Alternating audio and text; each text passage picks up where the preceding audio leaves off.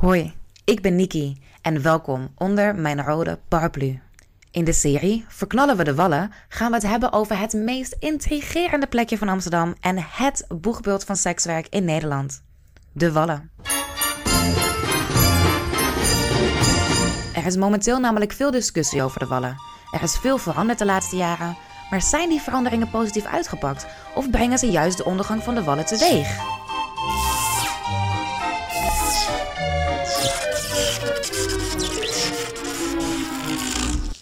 Het Wallengebied is een toeristische trekpleister geworden en de straten staan vol met dagjesvolk. De buurtbewoners hebben geen rust meer en mensenhandel zou de overhand krijgen. Sekswerkers zijn niet blij met al die toeristen die alleen maar komen om hen te bekijken en daarbij de echte klanten afschrikken. Ondernemers zijn niet blij met de regels die continu aangescherpt worden en het hen steeds moeilijker maken om te ondernemen. En bewoners zijn laaiend over het gebrek aan slaap door overlast en de dronken Engelse toeristen die tegen hun gevels aanplassen en kotsen. De situatie zal nu zo uit de hand gelopen zijn dat de gemeente moet gaan ingrijpen. Burgemeester Halsma heeft dan ook vorig jaar vier scenario's geïntroduceerd over hoe nu verder met de wallen en het singelgebied en wilt hierover in discussie gaan met alle betrokkenen. De vier scenario's zijn 1. Alle gordijnen dicht op de wallen en het singelgebied. De dames kunnen met een app klanten werven. 2. Verplaatsing van een deel van de werkplekken en minder haanprostitutie op de wallen en in het singelgebied. 3. Geen prostitutie meer op de wallen. Verplaatsing van prostitutie naar nieuwe locaties in Amsterdam. 4. Uitbreiding van de haanprostitutie op de wallen en in het singelgebied. Meer werkplekken. De bonus nul situatie optie is dat alles bij het oude blijft, een voortzetting van het huidige beleid. Nu de coronacrisis iedereen een adempauze heeft gegeven, willen we in deze reeks afleveringen onderzoeken hoe het er nu echt voor staat met de wallen en welk van de vier scenario's nu eigenlijk de beste optie zou zijn. Ik ben vooral op zoek naar het antwoord op de vraag: verknallen we de wallen? Daarom heb ik voor deze aflevering Olaf Oerig onder mijn rode paraplu. Olaf is een geboren en getogen Amsterdammer en woont al 40 jaar op de Wallen. En hij heeft een uitgesproken mening over de buurt waar hij woont. Hij is medeoprichter, kok en gastheer bij Martine Table, waar je bij Olaf en zijn vrouw Martine gezellig kan komen eten bij hen thuis. Hij is een van de bewoners die zich inzet bij het initiatief Stop de Gekte. En volgens zijn Twitter-bio beziet hij de wereld nieuwsgierig, kritisch en hoopvol, maar met toenemende verwondering. Olaf, hallo. Dag, Niki. Hi. Als ik dat Ehm, zo hoor over mezelf, Ja, je hebt je huiswerk goed gedaan. Ik heb gewoon even een beetje gekeken. Nee, en ik vond je Twitter bio, ik vond, ik vond het een mooie scène. Oké. Ik vond het een, eh, een, een leuke outlook op het leven. We stellen eigenlijk dezelfde vraag aan iedereen, de allereerste vraag. En dat is, wat was jouw allereerste herinnering aan sekswerk? Ja, nu is het even angstvallig stil natuurlijk. Ehm, sekswerk. In de zin van prostitutie. Prostitutie of een andere vorm, een strippers. Ja, moet ik, moet ik even over nadenken. Ik woon natuurlijk al heel lang in Amsterdam. Was mijn eerste associatie met prostitutie die met de wallen op in Amsterdam. Dat zou best eens kunnen, want ik, maar ik heb het niet heel levendig voor de geest. Maar het grappige is dat ik, eh, toen ik heel jong was, is er voor mij een portret geschilderd door een bekende kunstschilder Voor jou of van mij. Kort Dik, in opdracht van mijn vader, dat was een architect. En ik woonde zelf in Amsterdam-Zuid. En die schilder woonde in de Jodenbreestraat. En dat was nog ver voor dat die hele buurt natuurlijk eh, totaal is eh, gerenoveerd. Dus ik denk dat het ongeveer in 1962 was. Eh, want ik ben in 54 geboren en ik was ongeveer acht toen dat portret werd gemaakt. En ik kan me heel goed herinneren dat ik met de tramlijn 16 naar de Munt ging. En dan vanaf de Munt in mijn eentje, want ik was één keer door mijn vader daarheen gebracht. En daarna hadden we besloten, ik kan dat rondje zelf ook wel maken. Door eh, en langs de, de burgwallen en door die buurt, dat was toen nog de Jodenbuurt, waar nu het stadhuis staat natuurlijk, naar de Jodenbreestraat liep. Dus ik zal ze ongetwijfeld toen gezien hebben. Ja. Maar of ik mij daar echt nou iets van herinner, dat weet ik niet. En toen ben ik niet lang daarna naar Parijs geweest. En daarvan kan ik me herinneren eh, dat ik de Moulin Rouge heb gezien. En toen vermoedelijk iets gedacht heb van, ah ja, iets zandbloot weet ik veel wat. Dus misschien dat het toen begon te dagen. ja. En als... Ja? Ik zie Nee, ja, ik zit te denken, maar dit is, is dat nou echt een associatie met sekswerk als zodanig? Dat weet ik niet helemaal zeker. Dus eigenlijk zijn het misschien leuke anekdotes, maar of het een antwoord is op je vraag, weet ik niet. Ik vind het in ieder geval een leuke anekdotes, dus daar doen we het gewoon Dus- voor. En heb je als geboren getogen Amsterdammer... Um, heb je denk ik een andere kijk ook op prostitutie dan mensen uit een ander deel van, van het land? Heb je... Dat zou ik niet weten of het anders is dan, dan mensen in een ander deel van het land. Je kan mij wel vragen wat ik er zelf van vind, maar niet of dat anders is dan uh, mensen uit een ander deel van het land. Daar, daar waag ik me niet aan.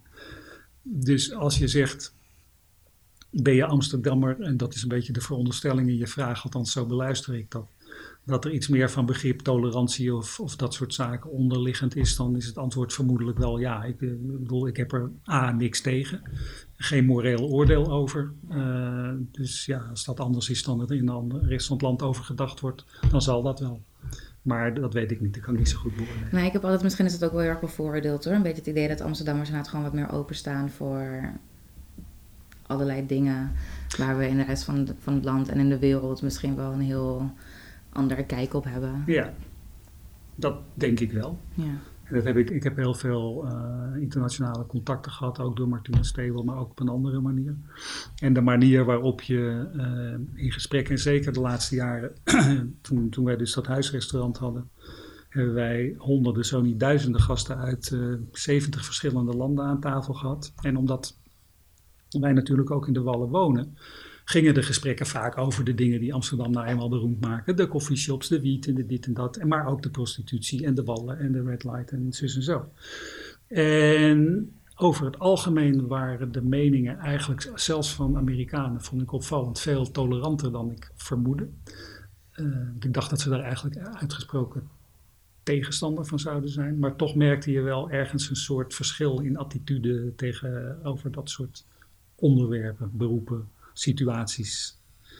Dus dat is wel een beetje anders dan anders, dat geloof ik wel. En ik denk ook dat de stad waarin je woont en de omgeving waarin je bent, vormt je natuurlijk voor een deel ook. Ja, dat, dat, dat is ontegenzeggelijk. Maar. Dat denk ik ook inderdaad. Ja. je wordt gewoon gevormd door je hele omgeving natuurlijk. Ja. Um, nou, je zei het inderdaad uh, zelf al, je hebt dus je restaurant aan huis. Gehad. gehad. Het is gesloten. Nu corona. door corona, ja. ja. En kan je ons nog een klein beetje meer vertellen over wie je bent en wat je doet? Um, zoals ik zei, ik ben geboren in 1954.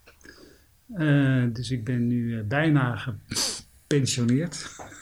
dat je dat ooit haalt, vind ik al een wonder. Maar goed, um, ik heb veel dingen gedaan in mijn leven. Ik heb uh, het gymnasium gedaan in Amsterdam. Ik ben biologie gaan studeren in het begin van de 70 jaren. Want ook toen was vervuiling een enorm item en de grens aan de groei. Een beroemd rapport dat verschenen is in 1972. En ik dacht, ik ga een bijdrage leveren aan een betere wereld. Maar ik was ook muzikant en de twijfel was of ik ga biologie studeren of ik ga naar het conservatorium. Toen ben ik biologie gaan studeren, maar uiteindelijk muzikant geworden. En dat heb ik een jaar of tien uh, professioneel gedaan. Tien tot twaalf jaar. Wel met bijbaantjes, maar ik heb er ook echt 100% uh, van geleefd. Uh, ja, van allerlei muziek, voornamelijk popmuziek. En ik speel uh, gitaar en piano. En ik zong ook in een bepaald deel van mijn leven. Maar het was niet het meest succesvol. Nou ja, goed. En, en toen ben ik beland eigenlijk via een bijbaan bij een marktonderzoekbureau. Daar ben ik projectleider geworden, want ik ben nogal goed in statistiek. Dus ik kon heel goed tabellen maken en lezen en rapporten schrijven en dat soort dingen. Van daaruit ben ik met een, mijn baas eigenlijk een direct marketingbedrijf begonnen. En via het direct marketingbedrijf ben ik bij KPN terechtgekomen waarbij ik een bijdrage heb geleverd helemaal aan het begin van de internetperiode. Dus moet je denken 1995, 96 aan self-service concepten voor de zakelijke markt op internet. Had toen nog nooit iemand van gehoord, maar we waren daarmee bezig. Vond ik ontzettend leuk. En in 2004, nee 2002 eigenlijk, was ik helemaal klaar met de zakelijke dienstverlening en het werk wat ik deed. Ik vond het ontzettend abstract. Toen dacht ik, ik wil eigenlijk weer het liefst muzikant worden. Maar daar vond ik mezelf te oud voor. Dus toen zijn we een restaurant begonnen. Dus ik heb tien jaar lang met mijn vrouw en haar broer en dienstvrouw en een vriend uh, de Gouden Reaal gedaan in Amsterdam. Uh, op de westelijke eilanden. Was heel succesvol. Dat hebben we toen verkocht in 2014. En in 2016 zijn we Martine Stable begonnen. Nou, dan heb je mijn uh, bio in de, in de notendop. We gaan verder? ja. Um, want je woont dus inderdaad 40 jaar op de Wallen. Hoe ben je daar terechtgekomen? Je noemde eigenlijk net al inderdaad dat je het ooit hebt gekraakt. Ja, ik was ja. Uh, geboren, in, geboren in Amsterdam-Zuid. Tijdens mijn studentenleven heb ik een aantal jaar in de Pijp gewoond. Heel leuk. Uh, ja, dat was toen helemaal niet zo leuk. Het was echt ongelooflijk. Ja, de, de buurt was hartstikke... De was buurt was leuk, maar het was echt wel ongelooflijke afbraak hoor. Dat, dat geloof je niet, maar ik weet niet hoe oud jij bent. Maar mensen wilden alleen maar weg uit die buurt. En er stonden ook eh, plannen op stapel in Amsterdam om bepaalde buurten die nu heel populair zijn, zoals de Jordaan en de Pijp, om die gewoon helemaal af te breken. Het was te slecht, weg met die, met die zooi. Goed, dus ik woonde daar op een halve woning, zoals dat toen heette, met mijn toenmalige vriendin Marian.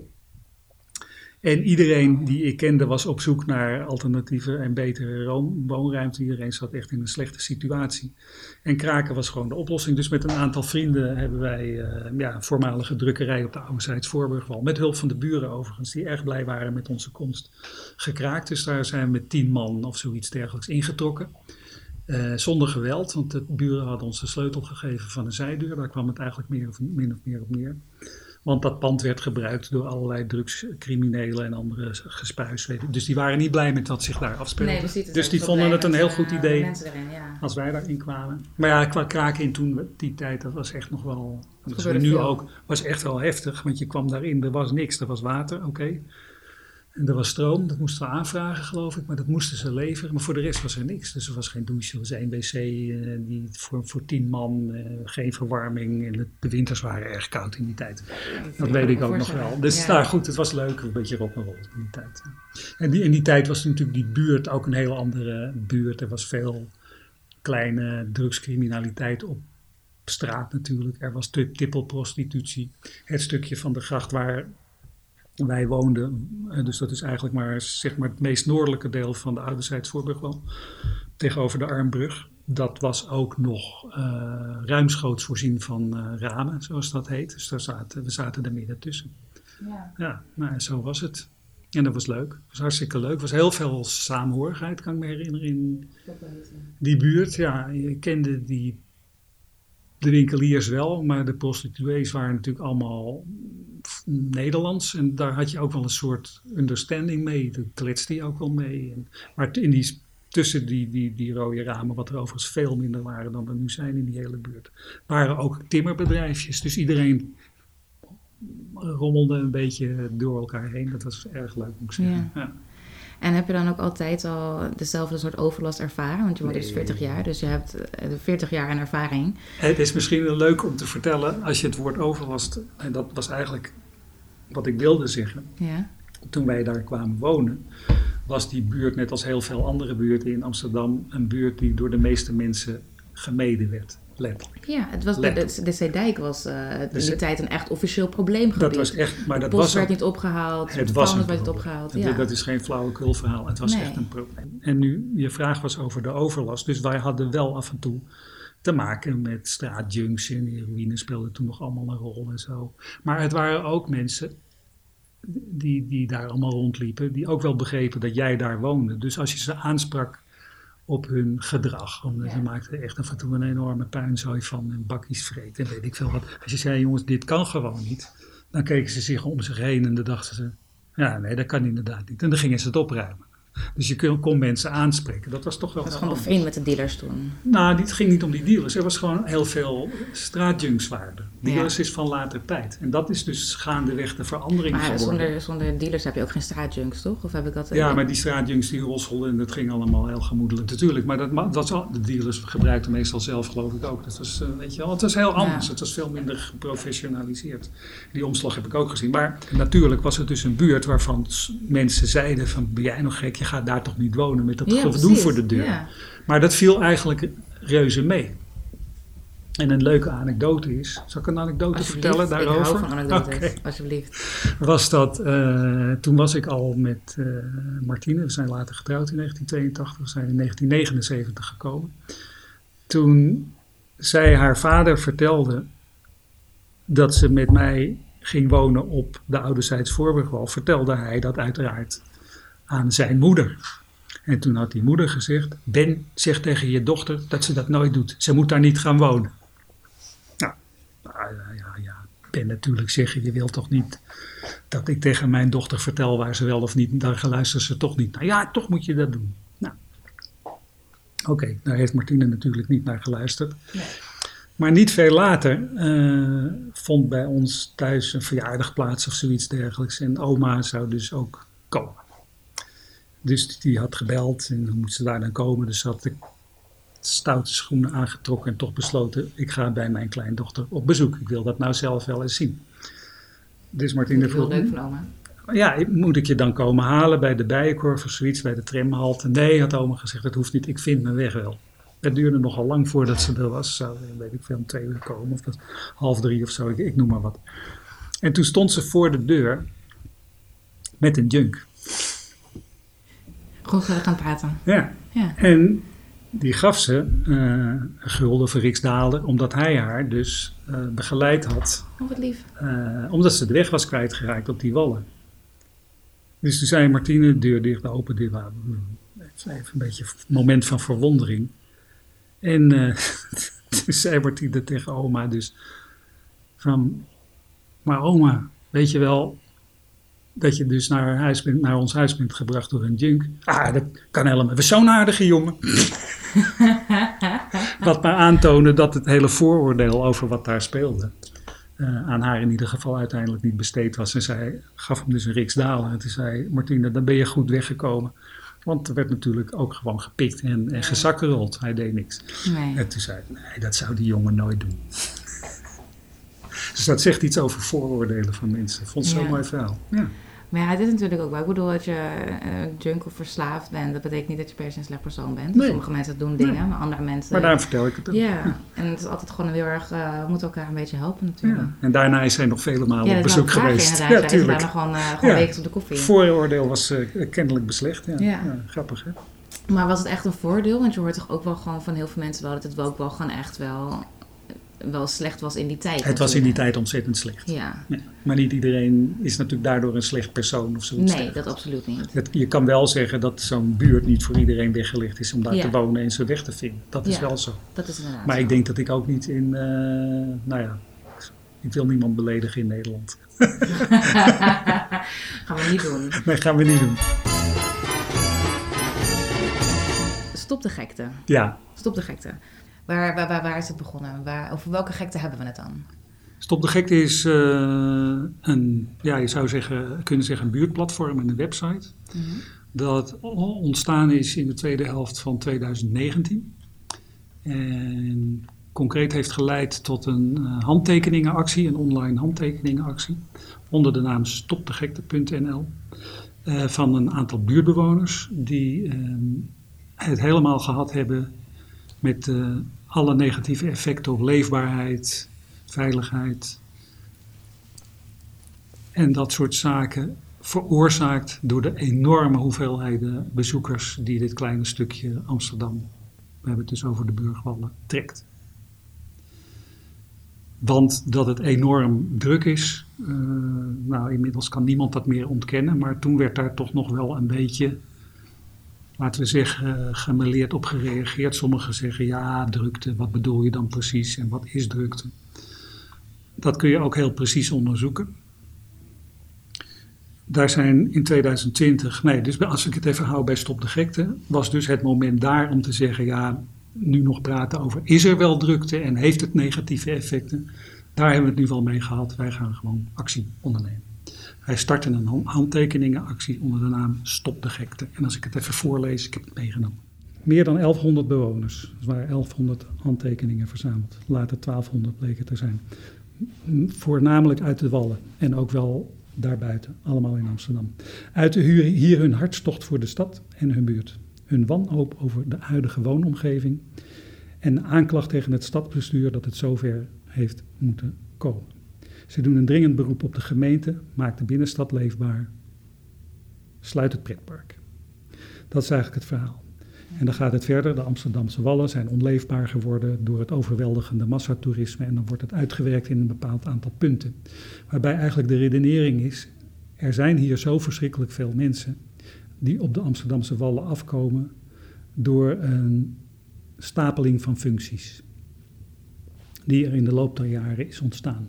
En wat oorspronkelijk misschien begonnen is als een heel goede eh, uiting van een liberaal standpunt ten aanzien van prostitutie en ook softdrugsbeleid is uiteindelijk verworden, letterlijk verworden, tot een toeristische trekpleister zonder weerga. Daarvoor was het niet bedoeld. Maar dat levert nu wel zoveel problemen op. Dat je, uh, als je je taak als stadsbestuur serieus neemt en het ook wil hebben over leefbaarheid en woonfunctie in een buurt, want het is uiteindelijk ook een woonbuurt, moet je echt wat doen. En de vraag is dan, wat ga je doen? Ja. En daar heeft Stop de Gekte een aantal uh, ideeën voor aangedragen. En dat betekent dus, je kan niet die leefbaarheid nastreven zonder in te grijpen. Even afgezien van het feit of we daar wel of niet over kunnen discussiëren hoe je dat dan zou moeten doen. Zonder in te grijpen in uh, de omvang en de zichtbaarheid van de prostitutie. De aantallen coffeeshops die hier nou eenmaal zijn, want er zijn er 90 of zoiets dergelijks in dit kleine stukje. In het soorten winkels dat hier verschijnt en nog een aantal andere zaken. En alles hangt met alles samen. Oké, dus dat was de noodkreet van Stop de Gekte. Toen verscheen er aansluitend, want er is al een hoop gebeurd inmiddels, uh, begin januari een uh, uh, rapport. Dat is opgesteld door, ik geloof, nou, in ieder geval in opdracht van de gemeente Amsterdam. Waarin de toeristische draagkracht van wijken is onderzocht. En daar zijn die dingen, als je dan praat, wat is drukte precies en hoe ervaar je dat allemaal exact is uitgesproken nou, laten we zeggen, gespecificeerd. En daar komen drie buurten in Amsterdam er extreem slecht van af. In de combinatie, daar is de toeristische druk, dus de hoeveelheid mensen die daar als toerist of bezoeker, uh, overigens zijn natuurlijk niet allemaal buitenlandse toeristen, maar ook Amsterdamse toeristen en bezoekers uit Nederland op af, waardoor je een enorme massa, massaliteit krijgt in een wijk die er eigenlijk niet voor geschikt is. Dus een enorme toeristische drukte in combinatie met hele lage scores op alle leefbaarheidsfactoren die je kan verzinnen. En dat is dus niet de mening van drie gekkies en ook niet van Stop de Gekte, want dat was gewoon een onderzoek dat al liep. Dat was er al, dat wisten we niet, maar dat bestond. Dat werd gerapporteerd. Dus toen kwamen die, ineens die, die dingen wel een beetje bij elkaar begin dit jaar. Daarna kregen we natuurlijk uh, de coronacrisis in maart waardoor de bezoekerseconomie, het toerisme naar Amsterdam ineens wegviel. Mhm. En dat één ding heel erg duidelijk was. De buurt was meteen zo dood als een pier. Er gebeurde helemaal niets. Dus je kunt niet meer volhouden dat die drukte niet het gevolg is van enorme aantallen bezoekers van buiten. De functies die er nog wel waren uh, in onze buurt, bleven voor zover ze ten dienste stonden aan de bewoners allemaal overeind. En alle andere functies waren in één klap totaal nul. Inclusief al die laagwaardige horeca in de Warmoestraat, in de Damstraat. Het was gewoon het stilste stukje van Amsterdam geworden. Ja, dat klopt. En dat is het acht maanden daarna nog steeds. Ja. Dus het betekent dat eigenlijk het vermoeden wat bestond, ja, die wallen, dat is gewoon eigenlijk een toeristische trekpleister geworden. Die normaal niet meer kan functioneren als het alleen maar op Amsterdam met de bewoners draait, is gewoon waar. Dat kon niemand meer ontkennen. Toen kwam er nog een onderzoek, en dat is heel interessant, dat is pas onlangs verschenen. En dat heet Amsterdammers over hun binnenstad of zoiets dergelijks. Er zijn uit alle wijken van Amsterdam bewoners ondervraagd over wat ze eigenlijk van de binnenstad vinden. De helft ongeveer neemt nog wel eens de moeite om naar de binnenstad als geheel te gaan. Maar dan is de binnenstad wel het deel dat wordt omsloten door de Singelgracht, zal ik maar zeggen. Maar de wallen niet. Niemand is daarin geïnteresseerd. Niet om te winkelen, niet om naar het café te gaan, niet om naar de hoeren te gaan, niet om koffieshop binnen te gaan, helemaal niets. En dat zie je ook, want dat is zo. En dan is dus de conclusie: oké, wat gaan we nou doen? Maar is de Wallen daarbij dan inderdaad echt de grootste plek waar, waar, waar de Amsterdammers dan van zeggen, daar ga ik niet mee heen? Ja, Want ik dat zelf... is namelijk uitges, uitgespecificeerd Ja, in, echt? kan, in maar dan, mensen gaan wel nog naar de Kalverstraat en de, en de Nieuwe Dijk. Want dat is een plek die ik dus echt zelf persoonlijk heel erg vermijd. Nee, maar dat is jouw persoonlijke mening. Ja, maar, nee, precies, Maar, maar we dat hebben het nu ook. over de wallen. Ja. En ik woon hier. Mhm, Dus je ziet het en iedereen beaamt het ook. De, de, de bevinding is dus mhm. Uit, uit dat rapport, en dat Ja. is per wijk uitgesplitst. En het gaat er niet om wat ik ervan vind of wat jij ervan vindt. Maar Amsterdammers gaan dus niet naar de wallen, helemaal nergens. Het interesseert ze helemaal niet. Ze komen er voor geen één doel. en daar maar hebben daarom- ze drie redenen voor. Want dat is, namelijk, ook, ja. dat is namelijk te druk, Ja, te eenzijdig aanbod. Ja. Eh, alles is gericht op toeristen. Dus ze hebben er niks te zoeken. Ja. En die conclusie is toch tamelijk hard. En dat, dat kijk, dan, dan, dan zit alles een beetje in een, in, laten we zeggen, in een lijn. Dus die bewoners die klagen, die zeggen, jezus, het is veel te druk. En dan kan je zeggen, ja, nou, dat is maar hoe je ernaar kijkt. Nee, dat is niet zo, dat vindt iedereen. Dat staat er ook, de ombudsman vindt dat ze... Je kan zeggen, nou, ik ben het daar niet mee eens. Ja, Trump is het ook met sommige dingen niet eens. En denk je, ja, je kan alles ontkennen. Nou ja, maar dat is niet waar. Ik denk dat het niet per se de vraag, voor mij was het nooit de vraag, is het, is het druk? Maar Ja, meer, is- hoe erg is het dat het druk is? Nou, dat de, is, de, druk is dus zo groot. En dan Ja. verwijs ik weer naar dat dan. Als je dus leefbaarheidsfactoren afpelt, waar bestaat Mhm. dat dan precies uit? En je doet onderzoek in Amsterdam, komt Amsterdam als geheel er eigenlijk best wel oké vanaf, terwijl het Mhm. een drukke stad is. En er zijn drie wijken in Amsterdam die extreem slecht scoren. En daar zijn de burgervallen er twee van. Dus als je dan zegt, ja, dat is een persoonlijke mening, dat i- ja, dan kan je alles natuurlijk in twijfel stellen. Ja. Dat is dus niet zo. Wat waren de, de factoren waarop gelet werd van leefbaarheid? Daar ben ik best benieuwd naar. Nou, die zouden we moeten opzoeken. Oh, oké, dat weet je niet, nee. nee, het lijkt in, in dit kader niet zo heel relevant om dan precies uit te spitten. Maar dat, Nee, ik was eh, gewoon nieuwsgierig waar daar Ja. nou op gelet werd. Nou, dat, dat is online beschikbaar. Dat, dat, Hey, en die petitie, gaat het dan, focussen jullie dan... dus de petitie, want dan wil ik het even afmaken. Ja? Dus de petitie was bedoeld als signaal naar het gemeentebestuur. Dit kan echt niet langer. Je moet gewoon wat doen. ja. Dan verval je in de discussie hoeveel zijn er, wie zijn het. Dan- Nou goed, dan krijg je, dan wordt het politiek. Maar toen kwam ineens dat rapport en daar staat eigenlijk precies wat Stop de Gek te beweerde. En nu vindt de rest van Amsterdam het kennelijk ook. Maar dat is nog niet alles. Want ook eh, inmiddels, Stop de Gek is natuurlijk doorgegaan. Die is een overleg met de gemeente. Dat is een actiegroep. Die probeert natuurlijk ook de media te bespelen, net zoals de ondernemers dat doen. Maar door die coronacrisis is er ongelooflijk veel gebeurd. En één ding is dus gewoon bewezen. De coffeeshops in de binnenstad, nou binnenstad is niet helemaal waar, maar in ieder geval in het Wallengebied draaien voor meer dan 95% op toeristen. De Wallen zijn een tijdje qua prostitutiefunctie dicht geweest. Nu weer open, maar er is bijna geen werk. Want de toeristen zijn er niet. En die vrouwen zijn er ook niet, want de meeste en mannen zijn terug naar hun land. Dus de vraag is, waarom ben je dit eigenlijk aan het doen? Dat is een hele cruciale vraag. Er zijn heel veel bedrijven natuurlijk door die coronacrisis ongelooflijk hard geraakt. Economisch, dat is de slechte kant van de zaak. Maar het is ook in zekere zin een zegen, omdat het een levend experiment is in een stad. Dat ongelooflijk veel informatie heeft opgeleverd. En waarbij heel veel mensen hebben gezegd: ja, het heeft ons toch ook wel de ogen geopend. Toen gingen eh, op een gegeven moment de wallen weer gedeeltelijk open, de cafés, nou, et cetera. Er kwam weer enig toerisme op gang. En wat je meteen zag gebeuren vanaf dag één, was dat de toeristen die komen, de bloottoeristen, de prettoeristen, precies waar die petitie over gaan, ging eh, en waar we ons tegen te weerstellen, die waren er wel en alle anderen waren er niet. En dat manifesteerde zich ook in een cijfer, namelijk de hotelbezetting was niet meer dan 10% van normaal. Mhm.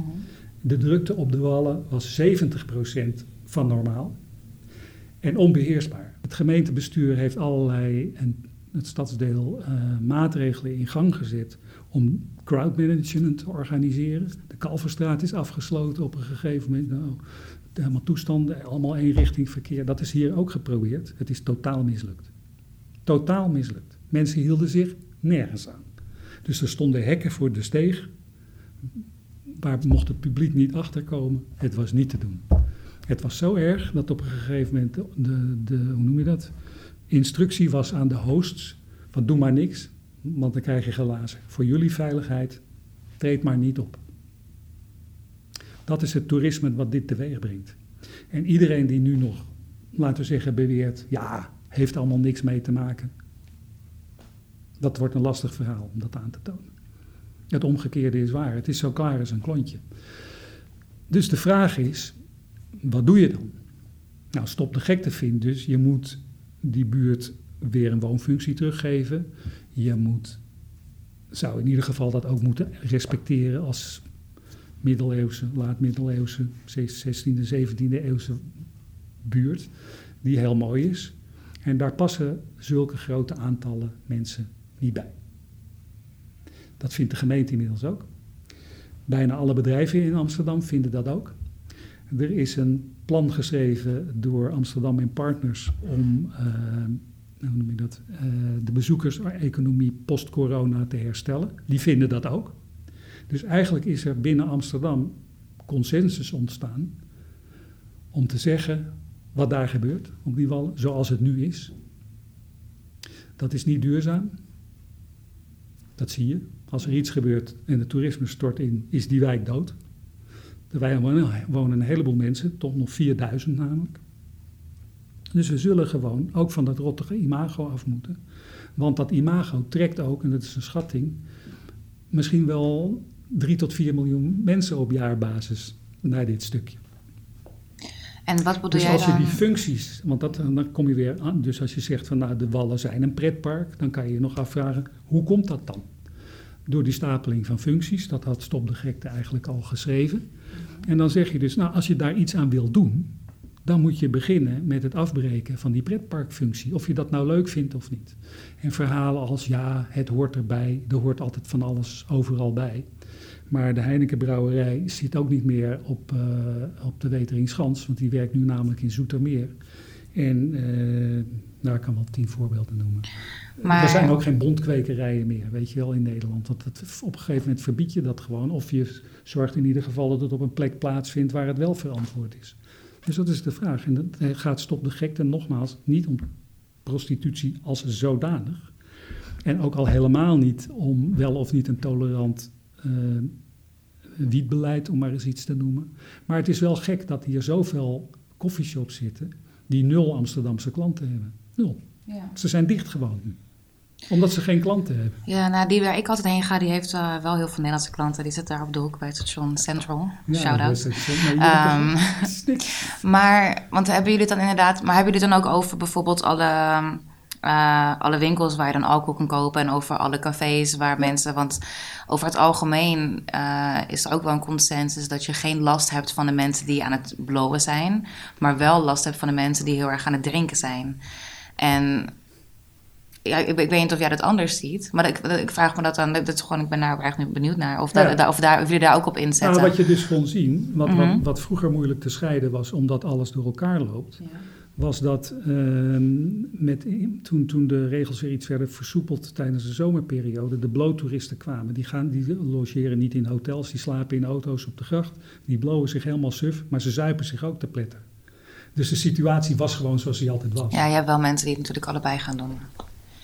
En... Het was niet te harde. Het was onhoudbaar. En het was dus ook dat hele verhaal, we gaan het crowd met een paar hosts en hekken ervoor. Kijk maar naar de foto's. Het is ongelooflijk wat daar gebeurt.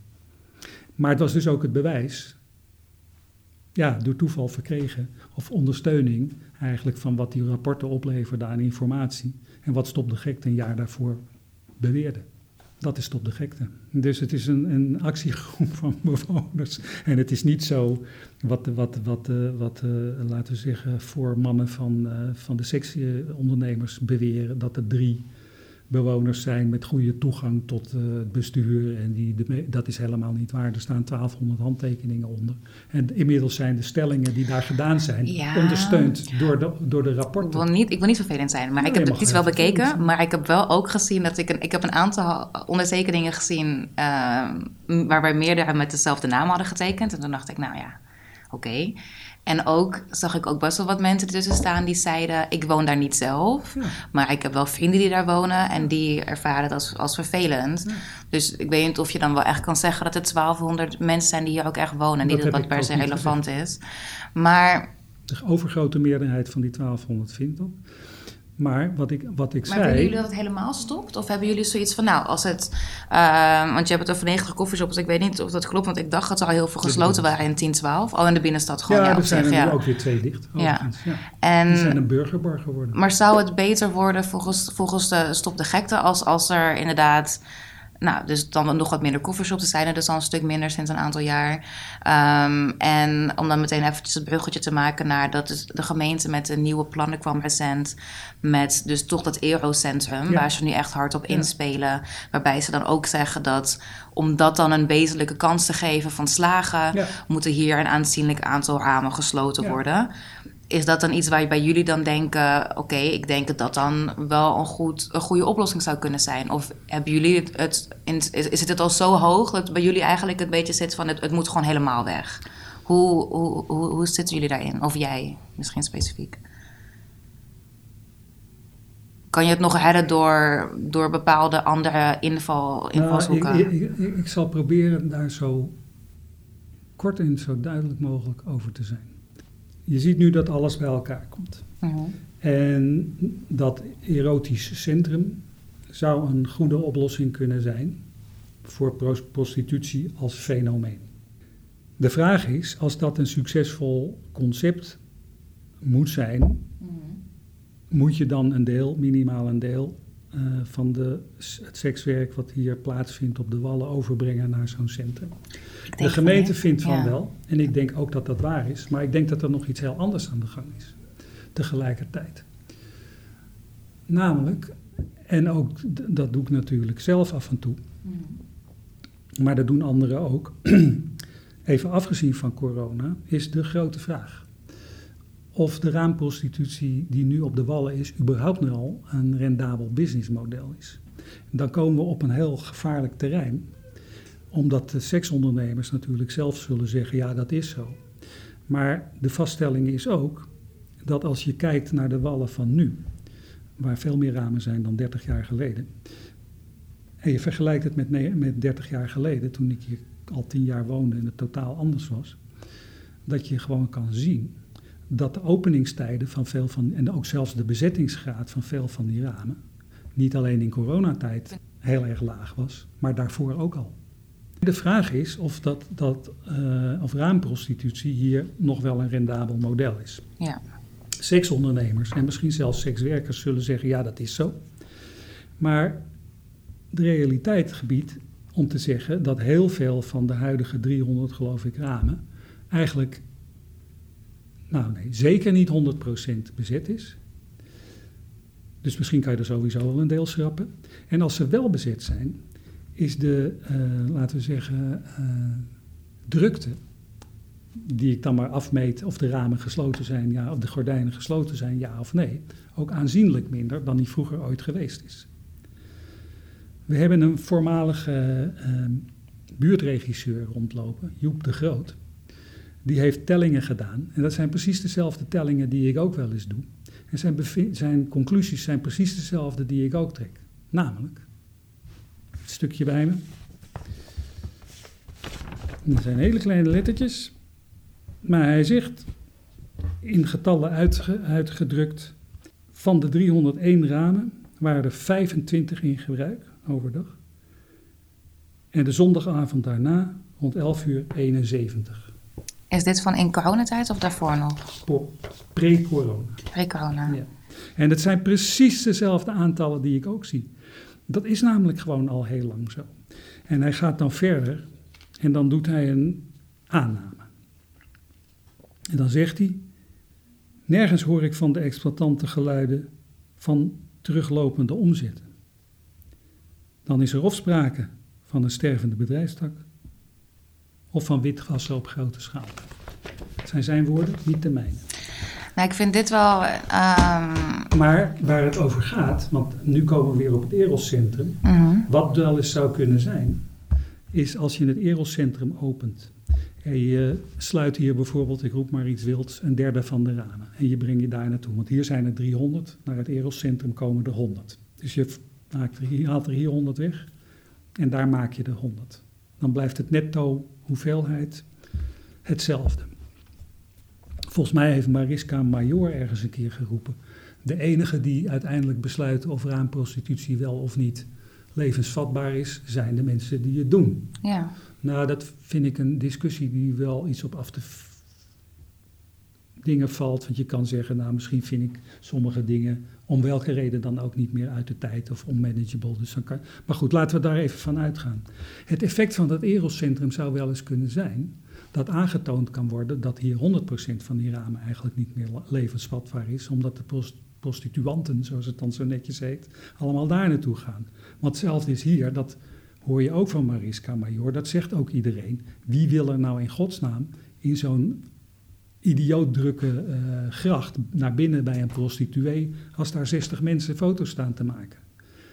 Dus de prostituees klagen zelf, en dat verzin ik niet, dat hebben ze ook gerapporteerd. Dat staat ook, je kan het allemaal nalezen. Die zeggen zelf, nou ja, ja uh, dit soort klanten, daar zitten wij ook niet op te wachten. Wij willen ook liever betere mensen. Ik was er zelf bij, bij die meeting, dat het letterlijk wordt gezegd.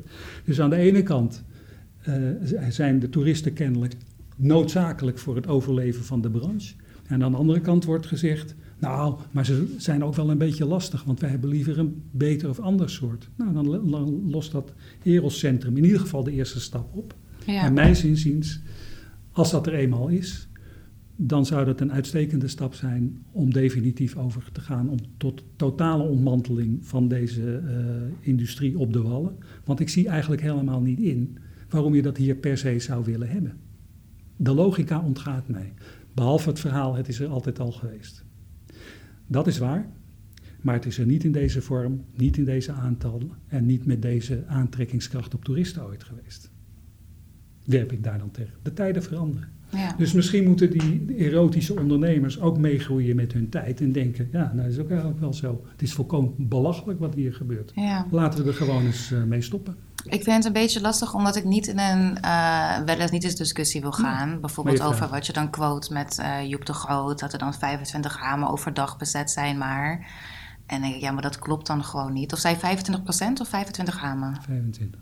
Ramen. Van de 300. Ja dat is, dat, is gewoon, dat is gewoon pertinent niet waar. Want ik weet het gewoon rondom het Oude Kerksplein... dat ze eigenlijk vrijwel allemaal al bezet zijn. Dus dan zit je al op de helft van die 25 of meer al. Dus dat is dan gewoon... Maar dat, zeg ik, maar dat, dat vind ik dan lastig, want dan ga je dus... dat werd het niet eens gesprek aan. En, um, nee, maar dat was op een middag. Ja, nou, ook, ook, ook overdag zijn er, zijn er zeker wel meer, meer dan dat uh, aanwezig. En ik weet ook niet zo goed... Um, Stop de gekte is van mening. En wij tellen allemaal en we wonen hier. Mhm. En ik maak elke dag, loop ik verschillende malen over die gracht. Want ik doe boodschappen of met de fiets, ik ga ergens heen. De bezettingsgraad, daar hoeven we dan echt geen discussie over te hebben, denk ik. Gemiddelde bezettingsgraad van die ramen is zeker minder dan 50%. Zeker overdag uh, minder dan 50 procent. Uh, ja, dat zou, dat zou mogelijk kunnen kloppen. Want de meesten die werken inderdaad pas in de avond. En je hebt natuurlijk ook sommige dames die... Je hebt zo'n raam voor x aantal uur tot jouw beschikking. Mhm. Maar ja, misschien wil ik helemaal niet 10 uur per dag achter zo'n raam staan. Ik wil maar 5 uur per dag staan. Mhm. Dus als, als ik dan net pas kom opdraven voor mijn shift... die maar 4, 5 uur duurt... nadat jullie allemaal geteld hebben... ja, dan, dan, dan krijg je natuurlijk ook een beetje een scheve telling in die zin. zijn ze ook niet allemaal bezet. Dus de eerste conclusie is, er is overcapaciteit. Maar er is nog iets anders. Er is ook overcapaciteit, omdat de meeste, even afgezien van het feit of het rendabel is als persoon om daar te staan, maar de meeste gordijnen zijn niet dicht. Dus ook de, de laten we zeggen, uh, uh, volheid van de winkel is lang niet honderd. Dus dat is, is ook gigantische gewoon, overcapaciteit. Nee, maar dat is ook gewoon echt een momentopname. Hè? Want ik zie nog steeds soms gewoon mensen op de hoek staan... dat er gewoon twee mensen voor dezelfde vrouw aan het wachten zijn. Dus dat, dat, ik, ik vind dat, dat... Ik denk dat het ook gewoon een lastige discussie blijft... omdat je dan eigenlijk constant over momentopnames hebt... en je zegt geen je zegt, je zegt niet, niet bijzonder gekke dingen of zo. Ik denk dus. Wat ik wel me afvraag is um, of als je de ramen dan zou sluiten, of dat dan per se de drukte ook stopt. Want er zijn natuurlijk een aantal ramen gesloten. En daarvan zeggen mensen dus ook juist dat je dus eigenlijk nog steeds dezelfde hoeveelheid mensen hebt, maar dat, dat ze nu op een kleiner stukje uh, zich bewegen. Dus is, ben je dan misschien niet bang ook voor dat er dan, uh, nou stel ze gaan 100 ramen hier sluiten omdat er dan nieuwe plekken komen op een andere plek. Wat nou als al, als al die 4 miljoen mensen die er misschien dan komen per jaar nog steeds dan komen, maar dan op een nog kleiner stukje zichzelf gaan bewegen? Dan, dan, dan, dan, dan maak je het misschien alleen maar nog erger. Ja, het zou ook een heel goed idee zijn, denk ik, als we de 300 ramen nu evenredig verdelen over de hele stad. Dus niet alleen naar een klein dus stukje? Dus hier drie en in Amsterdam-Zuid drie.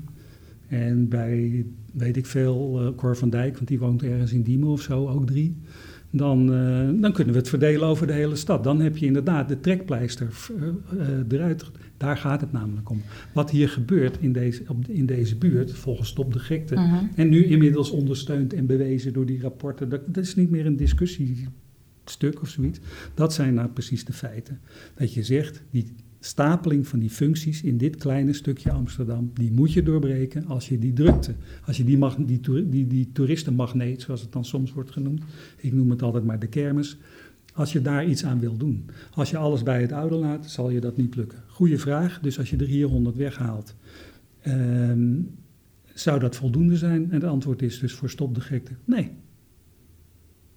Maar het luidt het begin in, hopelijk, van het einde van de prostitutie op de wallen zoals die in de vorm die die nu heeft en met de functie die het nu heeft. Maar dat kan niet losgezien worden, ook van het coffeeshop toerisme. Wat ik al zei, al die coffeeshop, de meeste hier, die zijn voor toeristen, niet voor Amsterdammers. Dus als je een bepaald soort publiek wil ontmoedigen om hier naartoe te komen, die hebben dan helemaal geen reden meer om hier naartoe te komen, dan haal je ook iets anders weg. Namelijk al die toeristen die nul en geen waarde toevoegen aan die stad. Want dat is wel een beetje het punt. En daar gaat het de hele tijd over. Dus die stad is vol met allerlei types waarvan nu is uitgevonden dat het eigenlijk bijna niks toevoegt aan de stad. En dat geldt ook voor alle wafelindustrie daaromheen en al die winkels en die hele shit. Dus je moet ergens een keer beginnen. En je zou heel goed kunnen beginnen met het erotisch centrum, 100 ramen eruit. En de volgende stap zal dan misschien zijn, hopelijk, denken wij dan, naar verwachting, dat is het begin van het einde van de wallen zoals die nu zijn. En dan kan je er weer iets anders mee doen. Maar waarom kunnen we dan niet gewoon beginnen met uh, de wafelindustrie? Dat je dan, want wat jij zegt is op zich. Daar en, komen mensen want daar, want daar, nee, maar daar komen mensen niet voor. Maar waarom? Want wat je, en dat vind ik een heel mooi punt op zich ook. Dat je zegt. Um, dat er in die zin nog weinig voor Amsterdammers is. Dus je hebt niet meer per se de lokale groenteboer en je hebt niet meer dit en dat. Waarom kan je niet gewoon die weer introduceren, zodat je op die manier ook weer een beetje die oude functie terugkrijgt? Zonder dat je dan een van de oude oorspronkelijke functies ook daarbij weghaalt. Want ik denk dat dat juist ook een van de dingen is die die het hier zo bijzonder maakt. Dat je dus inderdaad de groenteboer hebt en de bloemist en daarnaast de sekswerker en de koffieshop. Juist dat alles bij elkaar komt, zorgt ervoor dat dit het zo'n bijzonder stukje is, denk ik. Omdat je gewoon zoveel verschillende soorten mensen van verschillende uh, milieus, et cetera, bij elkaar hebt, die allemaal over het algemeen met, op een goede manier met elkaar omgaan. Als we dan eventjes de gekke toeristen buiten beschouwing daarbij laten. Kunnen we dat dan niet gewoon op die manier weer her herintroduceren? Dus wafelplekje weg, uh, pannenkoekenhuis ook weg, uh, groenteboer erbij, timmerman terug. zeg ik iets heel geks? Misschien? Ja, je zegt iets heel geks. Nee, je zegt niet iets geks eigenlijk. Okay. Maar je zegt iets wat niet kan. Omdat je namelijk. Uh, ja, sorry dat ik het zo zeg. Nee, het punt is dat er komt nog iets bij. Want we willen best wel mensen op de uh, wallen komen wonen. Ja, ik ook wel, als je een plekje de gemiddelde woonduur van nieuwkomers op de wallen is twee jaar. Ze trekken het namelijk niet. Ze onderschatten die ellende die je hier moet doorstaan. Daarom is die buurt natuurlijk ook op een gegeven moment oud. Want de enigen die nog kunnen existeren zijn types zoals ik, die, die erin meegegroeid zijn en die het nog net trekken. Maar nieuwe mensen, die trekken dit niet. Dus die, de, de nieuwe mensen die hierin komen, die blijven heel kort. En de, betekent dat die buurt steeds ontvolkter raakt. En dat is ook aantoonbaar. Mensen gaan weg en daar komt niemand voor in de plaats. Daarom is het zo lekker Airbnb hier natuurlijk. Nou, je ziet nu ook het gevolg. Airbnb mag niet. Dus ineens staat er van alles te huur. Ja, dat is logisch. Maar dus jouw ideaal is wel mooi, maar ik zeg je één ding. Als je zegt, dan kunnen we allemaal, dit, dit, stukje stad is zo bijzonder. Ja, dat was het misschien 30 of 40 jaar geleden was dat zo. Maar nu niet meer. Het is gewoon, zoals Top de Gek dat ook zei, het is een pretpark geworden. Er is niks bijzonders aan. De soort sekswerk die hier nu wordt verkocht, met de neonlichten op de ouderzijds voorburg, zullen we teruggaan naar wat het ooit was?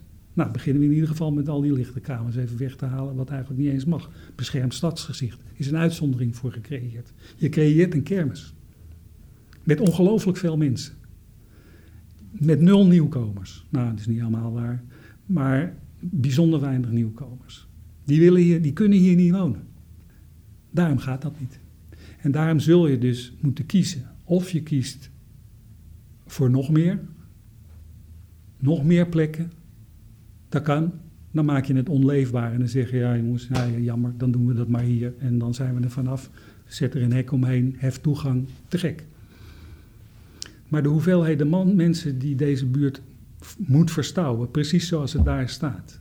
En zoals het blijkt te zijn. En dat zijn niet Amsterdammers. Zoals het ook blijkt te zijn. En het zijn al wel al die bloottoeristen die voor die stomme dingen komen.